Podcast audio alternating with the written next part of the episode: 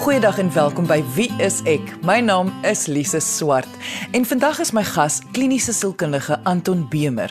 Ons gaan gesels oor 'n diagnose. Nou dit klink soos 'n baie vreemde onderwerp want in vandag se wêreld het mense baie meer toegang tot die internet natuurlik en so het hulle ook 'n woordeskat. Hulle verstaan daar's iets soos depressie, hulle verstaan daar's iets soos angs en hulle verstaan die verskillende diagnoses wat 'n mens kry. En soos dit nou maar gaan, is daar sekere mense wat opinies het oor diagnoses, wat die invloed is van 'n diagnose, watter effek en is gewoonlik 'n negatiewe effek 'n diagnose op iemand kan hê. So ek het besluit dat vandag moet ons gesels met kliniese sielkundige en hy is ook 'n neurosielkundige Anton Bemer oor hoe werk 'n diagnose? Wat beteken 'n diagnose vir 'n persoon en hoe kan dit 'n persoon se lewenskwaliteit verbeter? So, indien jy enige vrae het oor 'n diagnose of hoe dit werk of jy het nog nooit 'n sielkundige gesien nie, kan jy ons kontak met jou vraag deur www.wieisek.co.za. Maar kom ons luister nou eers na my gesprek met Anton Bemer oor diagnoses. Anton, kom ons begin net met hoe gaan iemand weet iets is verkeerd? Voordat ons nou ingaan oor wat kan die moontlike opsies wees, maar net iets is verkeerd, dis nie meer lekker nie. Hoe gaan iemand dit weet? As mens gaan stap of draf en jy voel hier's 'n pyn in jou knie of jou heup, dan dan weet jy mos hier's dalk nou 'n fout en jy gaan dalk 'n opinie moet kry wat die probleem is en wat die oplossing mag wees. Maar net so kry ons ander pyne wat emosioneel van aard is en dit mag moontlik wees dat hierdie pyne dan impak maak op ons vermoë om ons werk te doen op ons verhoudinge met mense rondom ons of net op die kwaliteit van jou eie lewe dat jy nie meer so gelukkig voel met jou eie lewe nie en die dinge wat vir jou belangrik was in die verlede jy nou net so eenkant toe skuif. So daar's 'n probleem wat iewers te intree. Die mensdom is geneig om dan wanneer hulle dit nou vermoed van hulle self om dan baie paniekerig te raak want dit beteken mos nou amper my lewe is verby. Nou in jou wêreld as sielkundige neem ek aan jy voel nou nie so nie. So hoekom sou jy sê indien iemand so voel, is dit 'n goeie idee om hulp te vra? Ek dink ek wil graag onderskei tref tussen persone wat al langdurige probleme ervaar het en wanneer dit meer akut is. Mm, mm. So as dit 'n nuwe ervaring is, weet daar's nou skielik baie spanning op jou. Ehm um, jy voel net uitgebrand, jy kan nie meer so funksioneer soos van tevore nie. Dit mag dalk iets wees wat jy nog nooit van tevore ervaar het nie. Of jy was in 'n slegte ongeluk gewees en nou ewe skielik het jy hierdie geweldige angstigheid wat oor jou kom as jy 'n uh, motor se remme hoor aanslaan of iemand te vinnig ry en en jy vang net so die hoek van jou oog uit. So dan is dit 'n baie meer akute probleem en dalk iets net en en jy mag dalk oorweldig voel hierdeur dat dit nou jou lewe gaan ruïneer. Maar baie keer is dit dat sekere probleme al so lank in 'n persoon se lewe is dat hulle so bewussyn het, ag, hier gaan ek al weer in 'n dip in of hoekom is ek nou weer rock bottom? Mm. En daardie bewussyn kan hulle dan meer koppel aan vorige ervarings en hulle mag dalk self 'n vorige diagnose hê wat vir hulle kan sê, o, wag, hierdie mag dalk weer 'n depressiewe episode wees of hierdie probleem kom nou weer na vore. So om hulp te kry in daardie situasies is vir verskeie redes belangrik. Een is alhoewel die ervaring baie soortgelyk mag wees aan vorige ervarings, is dit seker so belangrik om die regte diagnose te kry sodat daar die regte behandeling mag wees. Weet as ek kla oor my knie wat wat ehm um, seer kry en ek gaan sien 'n fisioterapeut en sy sê wel miskien moet jy net nuwe hartoptekkies koop. Dis dalk nie jou knie die probleem is dalk jou skoene. Ah, okay, dit maak nou sin. Maar so ook as iemand na my toe kom en hulle sê weet hulle voel so geweldig moedeloos en depressief en ek doen 'n evaluasie met hulle en ek sê wel daar's tekens van depressie by jou, maar jou eintlike probleem is angs. Ons moet die angstigheid, die spanning hanteer in jou lewe want dit lyk asof daardie negatiewe oorweldigende angservaring jou moedeloosheid aanvuur. Hmm. Die sekondêre probleem mag dalk depressiewe simptome wees maar die primêre probleem van angs moet eers aangespreek word. Maar jy verstaan tog dat baie mense raak nou al hoe meer ingelig as gevolg van programme soos ons, maar oor hoe 'n diagnose kan lewenslank wees. So mense neem tog in ag dat jy voel nie lekker nie, jy's nie seker wat verkeerd is nie, maar jy's baie bewus daarvan. Iemand mag dalk nou vir jou sê jy gaan vir ewig so voel. Met ander woorde dis hulle hulle eie aanname of van 'n siekte of 'n diagnose. As jy met depressie gediagnoseer word, gaan jy vir ewig depressief voel. Ek gaan jou 'n bietjie challenge op die idee van voel. Want soos jy weet, ek het al van tevore gesê as ek as ek oor angs praat en dink, dan sê ek altyd angs werk op drie vlakke. Ons voel angs, emosioneel, fisies, ons dink angsgedagtes soos bekommernisse en ons doen angs. So dit beïnvloed ook ons gedrag. En daarom is dit so belangrik dat 'n diagnose korrek gemaak moet word. Want dit mag dalk wees dat hierdie 'n baie langtermyn diagnose uh, mag wees. Kom ons vat 'n voorbeeld. Kom ons sê hier is 'n vrou, jong getroude vrou wat te veel alkohol drink. Nou probeer ons uitvind waarom waar kom hierdie probleem vandaan. Die eerste komponent, as ons nou dink aan 4, is dat daar dalk 'n psigodinamiese rol mag wees. En dit beteken dat daar ervarings is van haar kinderdae en grootwordjare wat nou 'n impak maak. En 'n voorbeeld mag wees dat haar man 'n baie dominerende persoon is. En dit herinner haar aan haar pa wat ook te veel gedrink het. So die nuwe huwelik, nou skielik tree haar man dominerend op iets kom terug van haar pa wat dominerend was en baie gedrink het. So dis die psigodinamiese komponent wat mens moet uitvind oor. Die tweede deel is in terme van die gedragkomponent. Waarom sal die persoon drink en wat wat kry sy daaruit? En dit mag dalk wees dat die alkohol vir haar uh, ervaring van verligting gee van die spanning wat sy kry by die huis en ook wanneer sy by haar pa en ma kuier. Die derde komponent is die sosiale komponent. As sy verskeie vriendinne het wat ook alkohol gebruik, En dit word gesien as nie alleen aanvaarbaar nie, maar as hulle bymekaar kom word dit so half gemotiveer. Kom ons kom by 'n wynplaas of by 'n restaurant bymekaar en ons drink 'n paar um gin and tonics of 'n paar bottels wyn. Op wat in daardie sosiale vlak word daar dan 'n amper druk op haar ook geplaas om net soos hulle alkohol te gebruik. En dan die vierde komponent wat mens ook oor duidelikheid moet kry is natuurlik biologies. Dit is moontlik dat daar 'n genetiese komponent aan haar alkoholgebruik mag wees omdat haar pa alkoholus is. Nie altyd die geval nie, maar op al vier vlakke, die psigodinamiese, die gedrags, die sosiale, die biologiese, moet mens die regte inligting kry om te verstaan waarom in haar lewe word alkohol 'n probleem. En ons wil nou net sê dat die voorbeeld wat jy nou genoem het is net 'n voorbeeld en elke persoon gaan nou op ander maniere tog nou toets. Ja, maar as ek nou diagnosties moet dink, dan gaan dit van die raamwerke wees wat ek in my kop sit om seker te maak dat ek die relevante inligting kry. Want natuurlik mag daar ander faktore wees, invloede wees wat ook veroorsaak dat sy meer alkohol gebruik as wat regtig nodig is. En mens moet dit in gedagte hou om dan op die einde by 'n diagnostiese formulering uit te kom. Jy luister na Wie is ek op RCG 100 tot 104 FM.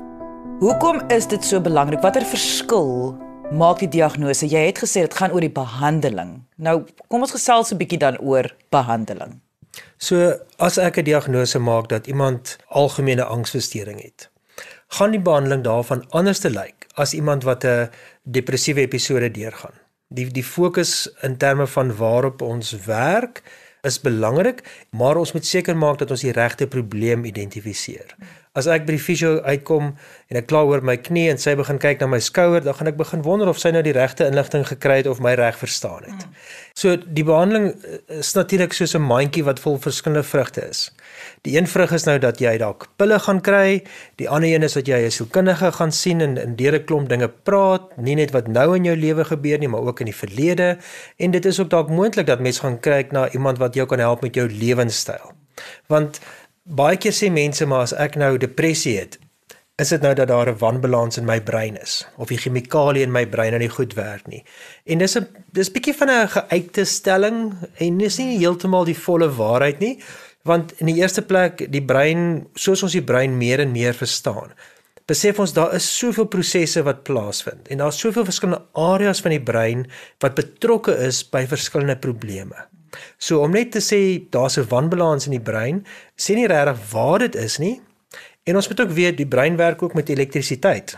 So soms word daar sekere dele van die brein meer geaktiveer by 'n sekere probleem as ander dele. Wat ons al meer besef. En dit is eintlik met ons teruggaan in tyd, want is iets wat die moderne wetenskap baie verwaarloos het.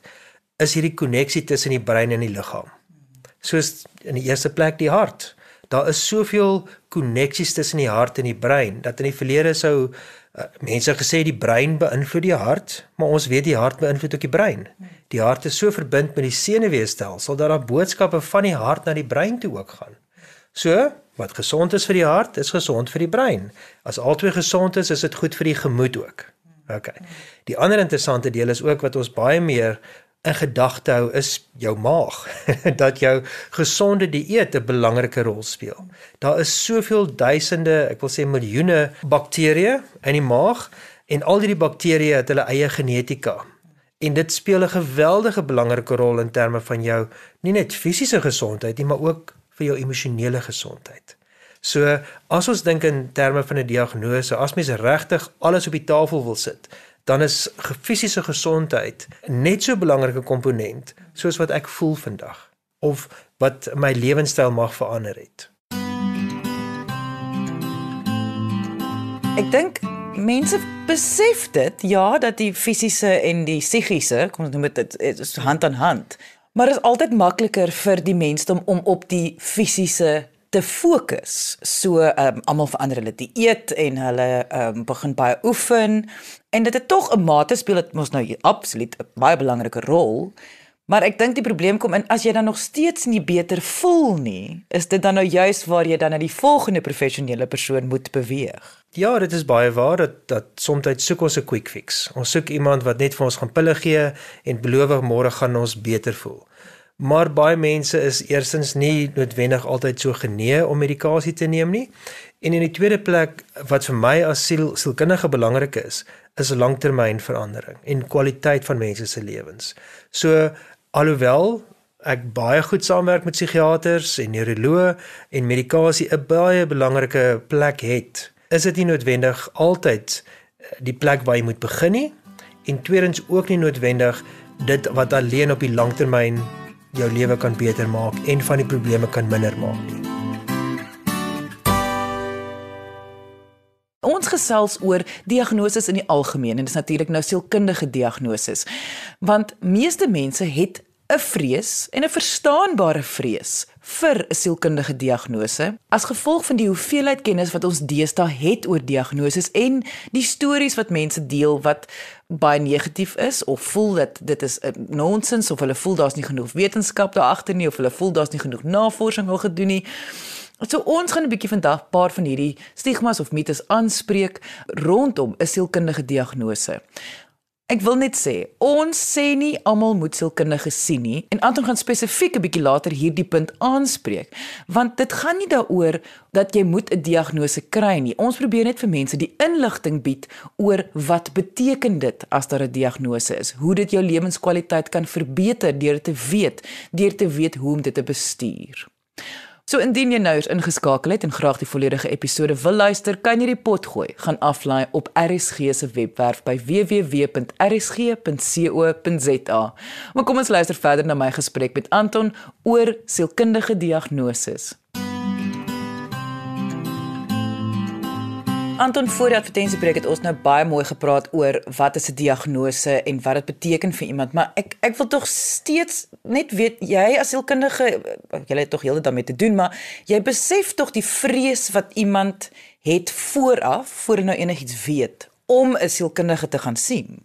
Natuurlik is dit baie nuwe vreemde ding vir baie mense om te doen en om jou hart daar te gaan uitpak en jou emosies dalk daarso te gaan uithuil of wat ook al die geval mag wees. Maar ek dink vir baie mense is dit ook 'n plek waar dit baie veilig is om dit te doen want hulle het nie noodwendig iemand met wie hulle so eerlik kan wees oor alles wat in hulle lewe aangaan nie. En dit mag soms baie intieme dinge wees wat ons bespreek of dit kan wees probleme met jou baas of met jou kinders of wie ook al. En dit is dinge wat soms bietjie ongemaklik is om op ander plekke te bespreek. As mens dan ook dink die rol van 'n diagnose, wat ek baie keer ervaar is dat mense 'n verligting het as hulle 'n diagnose kry. Om te sê, "Oké, okay, so dit is wat fout is. Dit is dit is die probleem." En ek lê baie sterk klem daarop dat jy as persoon is nie die probleem nie, dis hierdie diagnose wat vir ons aandui wat die probleem is. So as jy angstig is, dan is die angs die probleem. Al is dit in jou lewe, al affekteer dit jou fisies, Al maak dit dat jy soms wil weghardloop van goed, dis die angs wat die probleem is. So die diagnose is vir my belangrik om te besluit watter pad ons gaan stap en en weet watter ander inligting het ons nodig om te verstaan hoe hierdie probleem in jou lewe gekom. Maar jy word nog steeds as die persoon gesien al is hierdie probleem daar. En al is die medikasie dalk soms nodig om van die simptome van hierdie probleem minder te maak of die impak wat dit op jou lewenstyl het. So diagnose wil mens natuurlik so versigtig as moontlik en so konservatief as moontlik maak, want jy wil nie net die persoon nou met 'n klomp labels gooi nie. Maar terselfdertyd is dit belangrik om te beklemtoon dat al is daar 'n label wat ons gebruik, soos Meyer depressiewe episode. Daardie is net waar jy nou op die oomblik is. Sommige probleme kan baie lank in jou lewe daar wees, verseker. Maar ons het nodig om nou op hierdie stadium met hierdie probleem te werk om dinge vir jou as persoon beter te maak. Wat jy nou gesê het dat die siekte is apart van wie jy is. Kan ons net 'n bietjie meer daaroor gesels? Kyk, ek dink vir baie mense is daar beskrywings wat hulle sal gebruik as hulle self dink. So iemand sal sê ek is 'n ekstrovert mm. en ander mense sal sê nee, ek is 'n introvert. Maar jy's tog nie net die een of die ander nie, want in sekere situasies kan ekstroverte moeg wees en dan kan hulle meer onttrek en stiller raak en ander situasies is introverte die persone wat kom ons sê by 'n besigheid die vergadering moet lei en daar het jy meer ekstrovert kwaliteite nodig. So mense is altyd meer as net daardie spesifieke beskrywings. Dieselfde as ons dink aan diagnostiese kriteria. Nou weer eens, jy moet voldoen aan 'n hele klompie kriteria punte sodat 'n sekere diagnose gemaak kan word. Maar net omdat daardie diagnostiese kriteria op hierdie stadium gemerk of getik word, beteken nie dit gaan vir altyd getik word nie en dit word tog nie deel van jou identiteit nie. Dit is belangrik dat jy vir jouself moet sê ek moet nou saam met hierdie diagnose 'n pad stap en dalk met 'n sielkundige sodat ek hierdie diagnose kan behartig en met tyd dit kan verminder. Want ons wil nie hê dat hierdie diagnose jou so met inperk dat jou hele lewe bepaal word deur hierdie probleem nie. Ons wil tog vir jou bemagtig. Ons wil meer van jou as persoon hê wat hierdie diagnose bestuur en hierdie probleem bestuur eerder as wat die omgekeerde gebeur. Dis maar presies dieselfde soos enige diagnose van enige siekte. Ek bedoel as jy nou gediagnoseer word met cholesterol, beteken dit nie jy is cholesterol nie. Dit is jou siekte. En ek dink wat jy probeer sê is dit kom op dieselfde neer. 'n Diagnose, sielkundige diagnose, beteken nie dit is wie jy is nie. Dis maar net 'n deel van jou. Ja, 'n goeie voorbeeld is diabetes. Dit moet baie goed bestuur word. Want dit kan 'n geweldige klomp ander probleme veroorsaak oor die lang termyn as jy nie jou diabetes goed bestuur of jou medikasie of natuurlik jou eetgewoontes nie. So dit vat natuurlik dat daardie denkwyse wat jy rondom diabetes het, gefokus is om jou lewenskwaliteit meer te maak en dat die diabetes nie oorneem en ander probleme veroorsaak nie. En dieselfde met angs of depressie of of watter ander probleem ook al. Jy luister na Wie is ek op RCG 100 tot 104 FM nou net sê van die oorneem, dit laat mense net weer dink aan dat indien iemand enige simptome van enigiets ervaar en dit kom weer terug na ons heel eerste vraag van jy voel net nie lekker nie. Dinge is nie meer dieselfde soos wat dit was nie. Dat mense moet tog besef dit gaan nie net weer verdwyn nie. Nee, kyk as jy 'n ligte verkoue het, dan gaan mens hoop dat na 'n dag of wat gaan die ligte verkoue oorwees. Maar as jy nou vir 'n week lank aanhou hoes en weet daar is net vir jou hierdie geweldige ongemaklikheid wat jy ervaar, gaan jy tog dokter toe om te sê jy jy sukkel om asem te kry en hulle moet toetse neem om uit te vind wat is die probleem. Dieselfde as jy deur 'n tyd gaan waar daar sekere emosionele uitdagings teenwoordig is, dan gaan jy tog wel seker maak dat hierdie goed nie 'n groot impak mag hê op jou lewe of op die lewe van ander mense of op jou werk nie.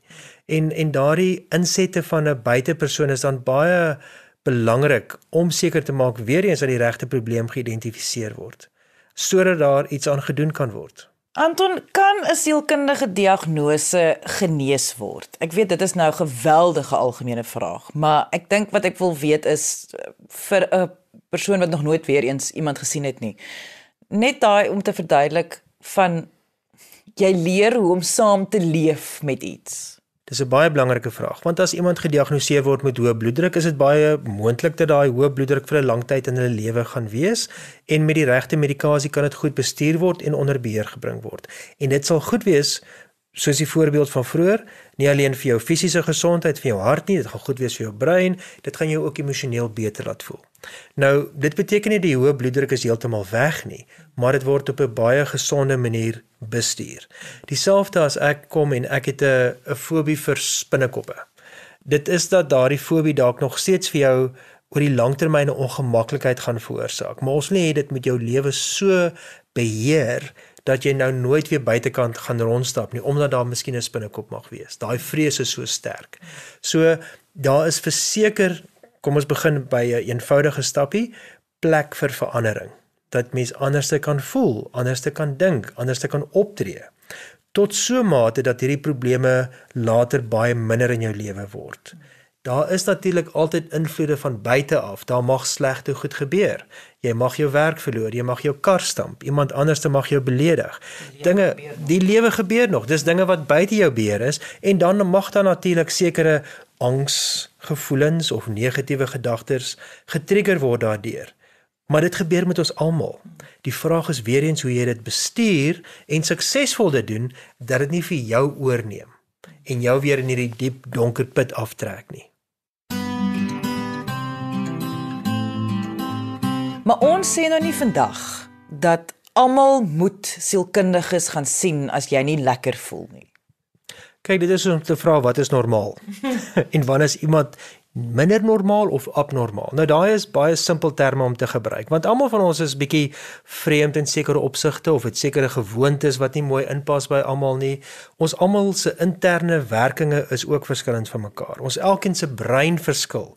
Maar net omdat daar sekere verskille is, beteken nie dit is 'n probleem nie. En dit beteken nie daarom moet jy 'n sielkundige of 'n dokter of iemand gaan sien nie.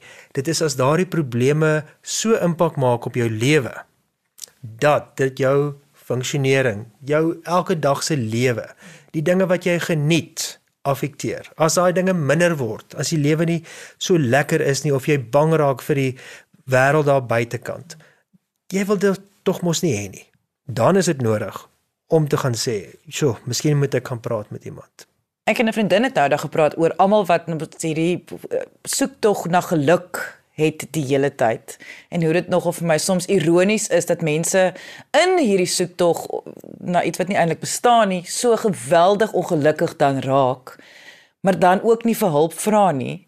Wat vir my snaaks is van voel vir my as jy waarlik geluk wil vind, is daar vir my 'n paar basiese goed wat die pad vir jou gaan mee help en dit is ken jouself, verstaan jouself, verstaan hoe jy inpas in die wêreld en hoe die wêreld jou affekteer. En 'n paar goed uit te skakel. Die dinge wat vir jou onsekerheid veroorsaak, dit wat vir jou ongemaklikheid in jouself veroorsaak, onsekerhede wat jy oor jou het of jou eie vermoë het, om ook daardie dinge uit te skakel in die proses, bring jy tog nader na 'n plek van kom ons sê ten minste tevredenheid en natuurlik dan ook meer geluk op 'n meer gereelde basis. Dit gaan nie beteken jy het permanente geluk nie, want weer eens daar's eksterne uitdagings wat oor jou pad gaan kom en soms interne dinge wat gebeur, maar mens wil tog hê dat jy meer konsekwentheid het in daardie tevredenheid en gelukigheid met jouself en wat jy in die wêreld daar buite doen.